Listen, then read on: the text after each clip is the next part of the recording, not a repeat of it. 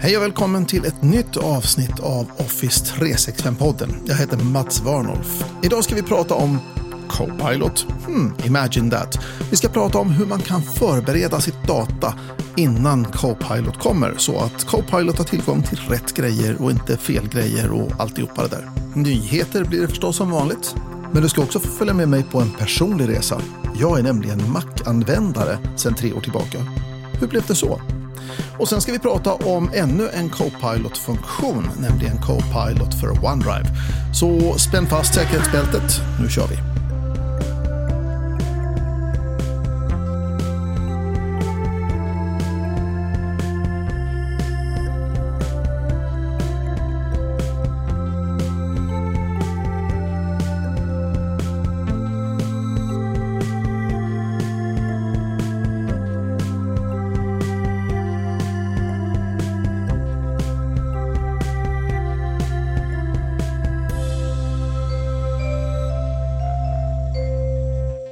Vi börjar med frågan, vad är Copilot för Microsoft 365?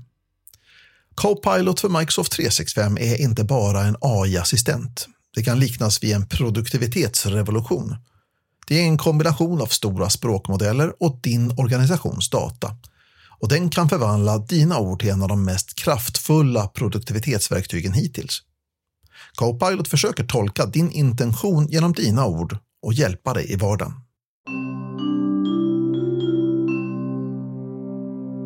Ja, ja, men vad är det för någonting? Ja, rent tekniskt. Copilot är ett generativt AI-verktyg. AI står, som du säkert vet, för artificiell intelligens. Det är en AI-assistent framtagen för att dramatiskt förbättra produktivitet, kreativitet och samarbete i Microsoft 365. Det här fungerar över olika Microsoft 365-appar som Word, PowerPoint, Excel, Outlook och Teams. Här är några exempel på vad man kan ha det till. Copilot kan skriva text av varierande kvalitet för att hjälpa dig med dina utkast till dokument. Även i PowerPoint kan du få hjälp. Copilot kan hämta information från andra källor för att skapa snygga presentationer. Källor som arbetsböcker med kalkylark, SharePoint-sidor, Teams-konversationer eller affärsdokument. Det kan också hjälpa dig att analysera och visualisera det data du har i Excel.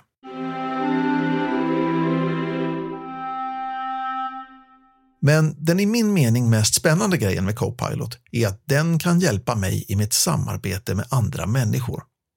Den kan boka och planera möten, möten med agendor och rekommenderade deltagare. Den kan briefa mig och de andra deltagarna före mötet så att vi alla har en bra chans att komma väl förberedda till mötet. Och efter mötet, då kan den summera alla besluten, alla åsikterna och allt annat som kan vara bra att ha när du efteråt behöver reflektera över mötet. Varför är det så viktigt att förbereda datat?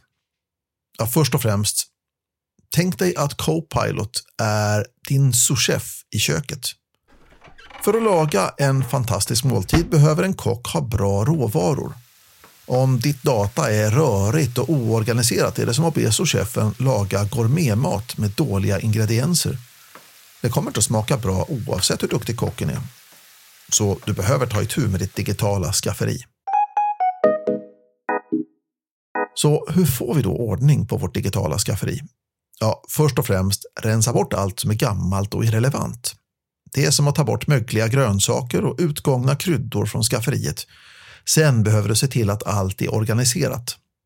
Om du har en massa filer och e-postmeddelanden huller om buller, då kommer Copilot ha svårt att hitta rätt ingredienser för att laga den perfekta måltiden. Ju bättre ordning du har, desto bättre blir resultatet. Och märk gärna hyllorna i skafferiet med tydliga beskrivningar av vad som finns där så hjälper vi kocken att hitta ännu bättre. Nu när skafferiet är i ordning, ja då behöver vi prata om låsen på dörrarna. Det är viktigt att Copilot kan komma åt de råvaror den behöver, men inte mer än så. Vissa ingredienser är dyra eller farliga och behöver förvaras i ett låst skafferi. Dubbelkolla därför vilket data Copilot har tillgång till. Det här är ju som att ge någon en nyckel till ett hus. Du vill vara säker på att de bara går in där de ska. Kom ihåg, att hålla ordning på ett skafferi är en löpande process. Det kommer ständigt in nya råvaror och gamla råvaror försvinner. Och därför behöver vi nog ha lite data governance. Utnämn gärna en skafferimästare som håller koll på allt det här. Du behöver sannolikt ha flera stycken faktiskt. Och när du har det, ja då är du redo att ta Copilot till nästa nivå för att laga fantastiska måltider med ditt data. Så vad tror du? Hinner du få ordning på skafferiet innan Copilot kommer i november?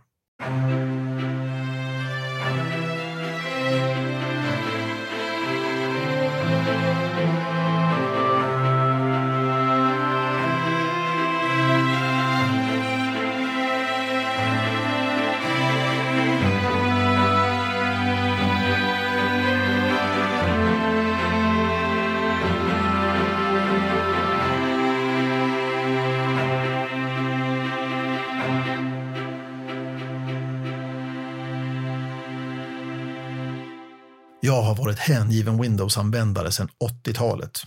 Windows 2.03 var min första version.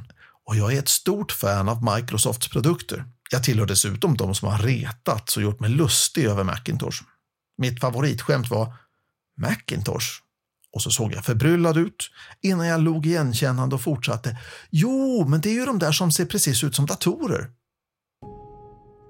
Samtidigt är jag ju en tekniknörd, så visst har jag varit nyfiken på mackar och MacOS. Under min tid på konsultföretaget Qbranch lyckades jag få tag på en Macbook Pro från 2008. Jag tiggde till med den helt enkelt när en anställd lämnade tillbaka den. Jag hade kollegor som jobbade på Mac och trivdes med det. De hade virtuella Windows-maskiner som de kunde använda när det behövdes och det verkade fungera ganska bra för dem. Men att jag själv skulle arbeta heltid på Mac, det var en helt absurd tanke. Tills för ett par år sedan.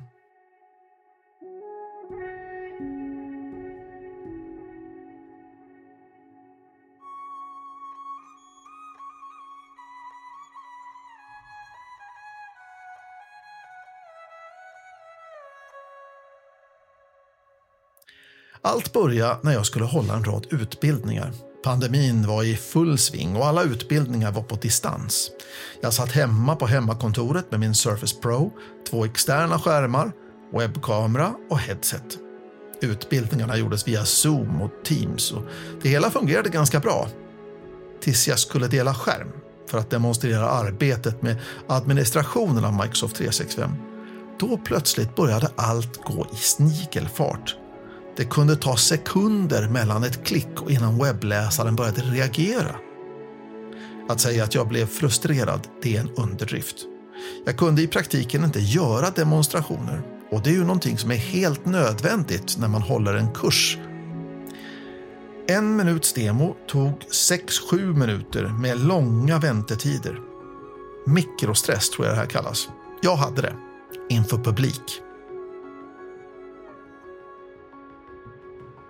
Jag började experimentera för att se om det här var ett tekniskt problem som jag på något vis kunde lösa. Jag bytte drivrutiner. Jag minimerade antalet processer som var igång. Alltså, jag försökte med alla trick som jag hade i rockärmen. Och det fanns korta stunder när jag trodde att jag hade löst det. Teams var helt klart värre än Zoom. Men bägge systemen var i praktiken oanvändbara när jag skulle demonstrera på en delad skärm. Min dator var helt enkelt för klen, tänkte jag. Så jag började specificera den dator som jag tyckte att jag behövde. Jag sökte råd på forum och diskussioner med andra lärarkollegor. De flesta hade upplevt liknande problem och kopplade till att grafikkortet på min Surface Pro var för svagt. Men en kommentar återkom då och då i de här forumen och de här diskussionerna med lärarkollegorna. Min kollega Ian som bor i Belfast i Nordirland uttryckte det tydligast. You're gonna have to buy yourself a Macintosh a Mac Mini will be perfect for you.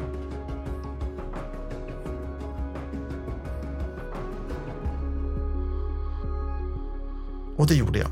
Jag köpte den billigaste och enklaste Mac Mini M1 som Apple erbjöd. Helt beredd på att det här kommer ju aldrig att funka. Jag kopplade in och testade och efter bara ett par timmar kunde jag konstatera att den här lilla maskinen kunde hantera all last jag kunde kasta på den och lite till utan att ens blinka. Den var inte ens ansträngd. Den PC jag specificerat skulle ha kostat strax över 30 000. Mac Minin kostade ungefär 10 000. Ah, Okej, okay. men hur var det med programmen då som jag brukar använda? Skulle det funka? Ja, det visade sig att de flesta programmen som jag använder dagligen, de fanns för MacOS också. Och de andra programmen hade motsvarigheter som var minst lika bra och efter mycket letande kunde jag egentligen bara hitta ett tydligt problem. PowerShell. Kommandoskalet och skriftspråket som jag använder dagligen som konsult. PowerShell i sig funkar, men modulerna var det värre med, speciellt de officiella modulerna från Microsoft.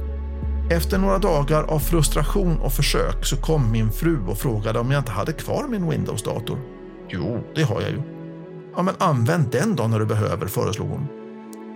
Ja, man kan ju göra så, men det är ju inte rätt.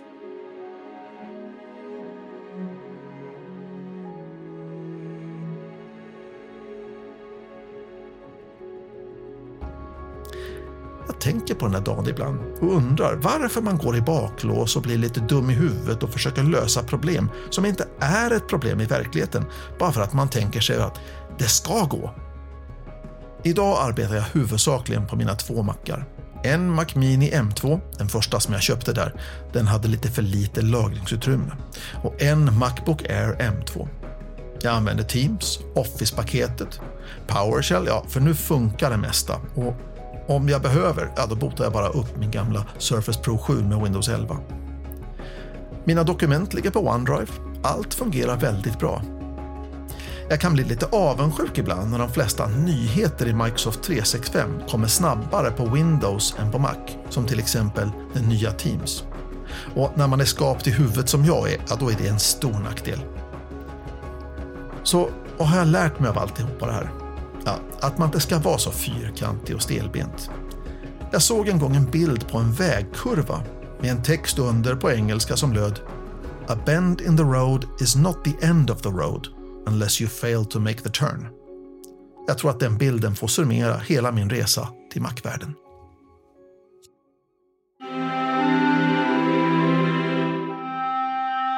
Alla pratar om Copilot för Microsoft 365 just nu. Det gör vi här i Office 365-podden också. Så jag tänkte ägna bara någon minut åt att prata om en av Copilot-funktionerna som jag tycker verkar väldigt spännande, nämligen Copilot för OneDrive. Vad är det för någonting? Hur kan det hjälpa oss i vardagen och när kan du börja använda det? Ja, den sista frågan, när du kan börja använda det, den är väldigt enkel att besvara. För Microsoft har precis talat om att i december så rullar man ut Copilot för alla användare i Microsoft 365 som har rätt licenser. Man måste ha rätt Microsoft 365-licens och sen behöver man bara köpa ett tillägg med själva Copilot-funktionerna. Och därefter kan vi naturligtvis använda oss av Copilot för OneDrive också. Så vad är det för någonting då? Ja, Copilot för OneDrive förvandlar vår filhanterare till en AI-baserad funktion som hjälper oss att söka, organisera och förstå informationen som finns i våra dokument. Vad innebär det då? Ja, rent praktiskt så innebär det att Copilot kan hjälpa dig att hitta filer baserat på beteende och vanor om du till exempel alltid tittar i ett visst dokument när det börjar närma sig slutet på månaden så kommer AI-funktionen i Copilot för OneDrive att lyfta fram det här dokumentet åt dig. Det kan också ge dig en sammanfattning av filers innehåll. Det här blir lite grann som att ha en personlig bibliotekarie som har läst alla böcker i biblioteket och vet vilken bok som du behöver just nu. Så med Copilot så blir OneDrive mer än bara en filhanterare. Det blir en helhetslösning som förändrar hur du interagerar med dina filer i OneDrive. Med Copilot så blir OneDrive mycket, mycket mer än bara en filhanterare. Det blir en digital reseguide som hjälper oss att navigera genom livet med våra dokument. En spännande funktion som gör ditt digitala arbetsliv både enklare och mer organiserat.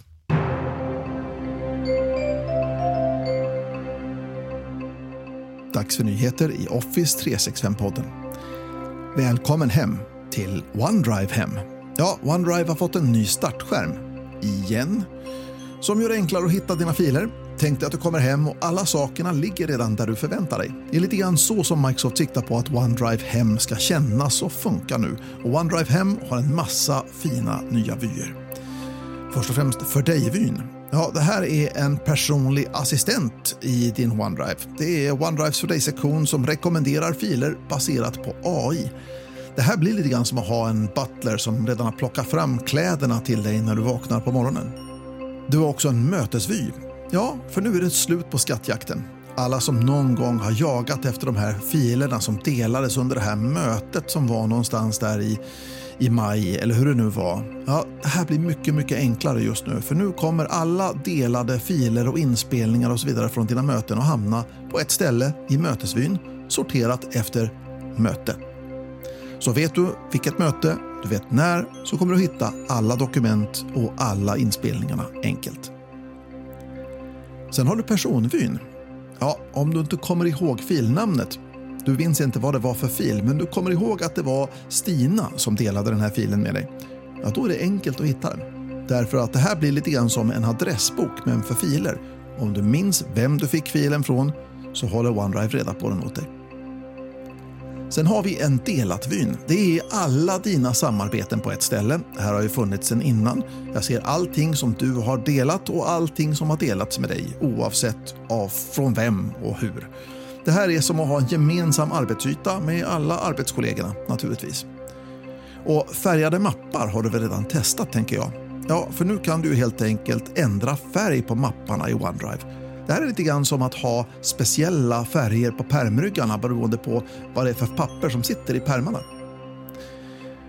Vissa filer använder man oftare än andra och det är här favoriter kommer till sin rätt. Att lägga upp de vanligaste filerna som favoriter gör livet ganska mycket enklare. Allt det här finns redan nu i din OneDrive, men mitt innehållssidan som du når om du går till Microsoft 365 på webben, alltså startsidan på Microsoft 365, den har en finess som jag fortfarande saknar i OneDrive Hem och det är taggar, eller som Microsoft av någon anledning döpte till på svenska, adresslappar. Huh? Microsoft, ingen kallar det här för adresslappar. Men det kommer fler saker som har med OneDrive att göra.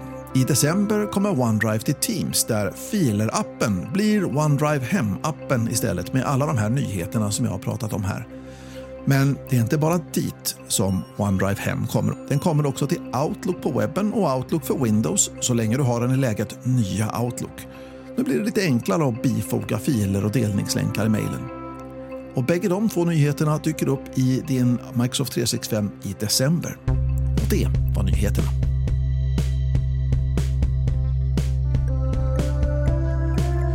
Och det var allt i Office 365-podden för den här gången. Tack ska du ha för att du lyssnar. Om du har tankar, frågor, synpunkter eller liknande skicka gärna ett mejl till office365podden varnolf.net. Ha en riktigt trevlig vecka. Jag heter Mats Warnolf. Vi hörs. Hej!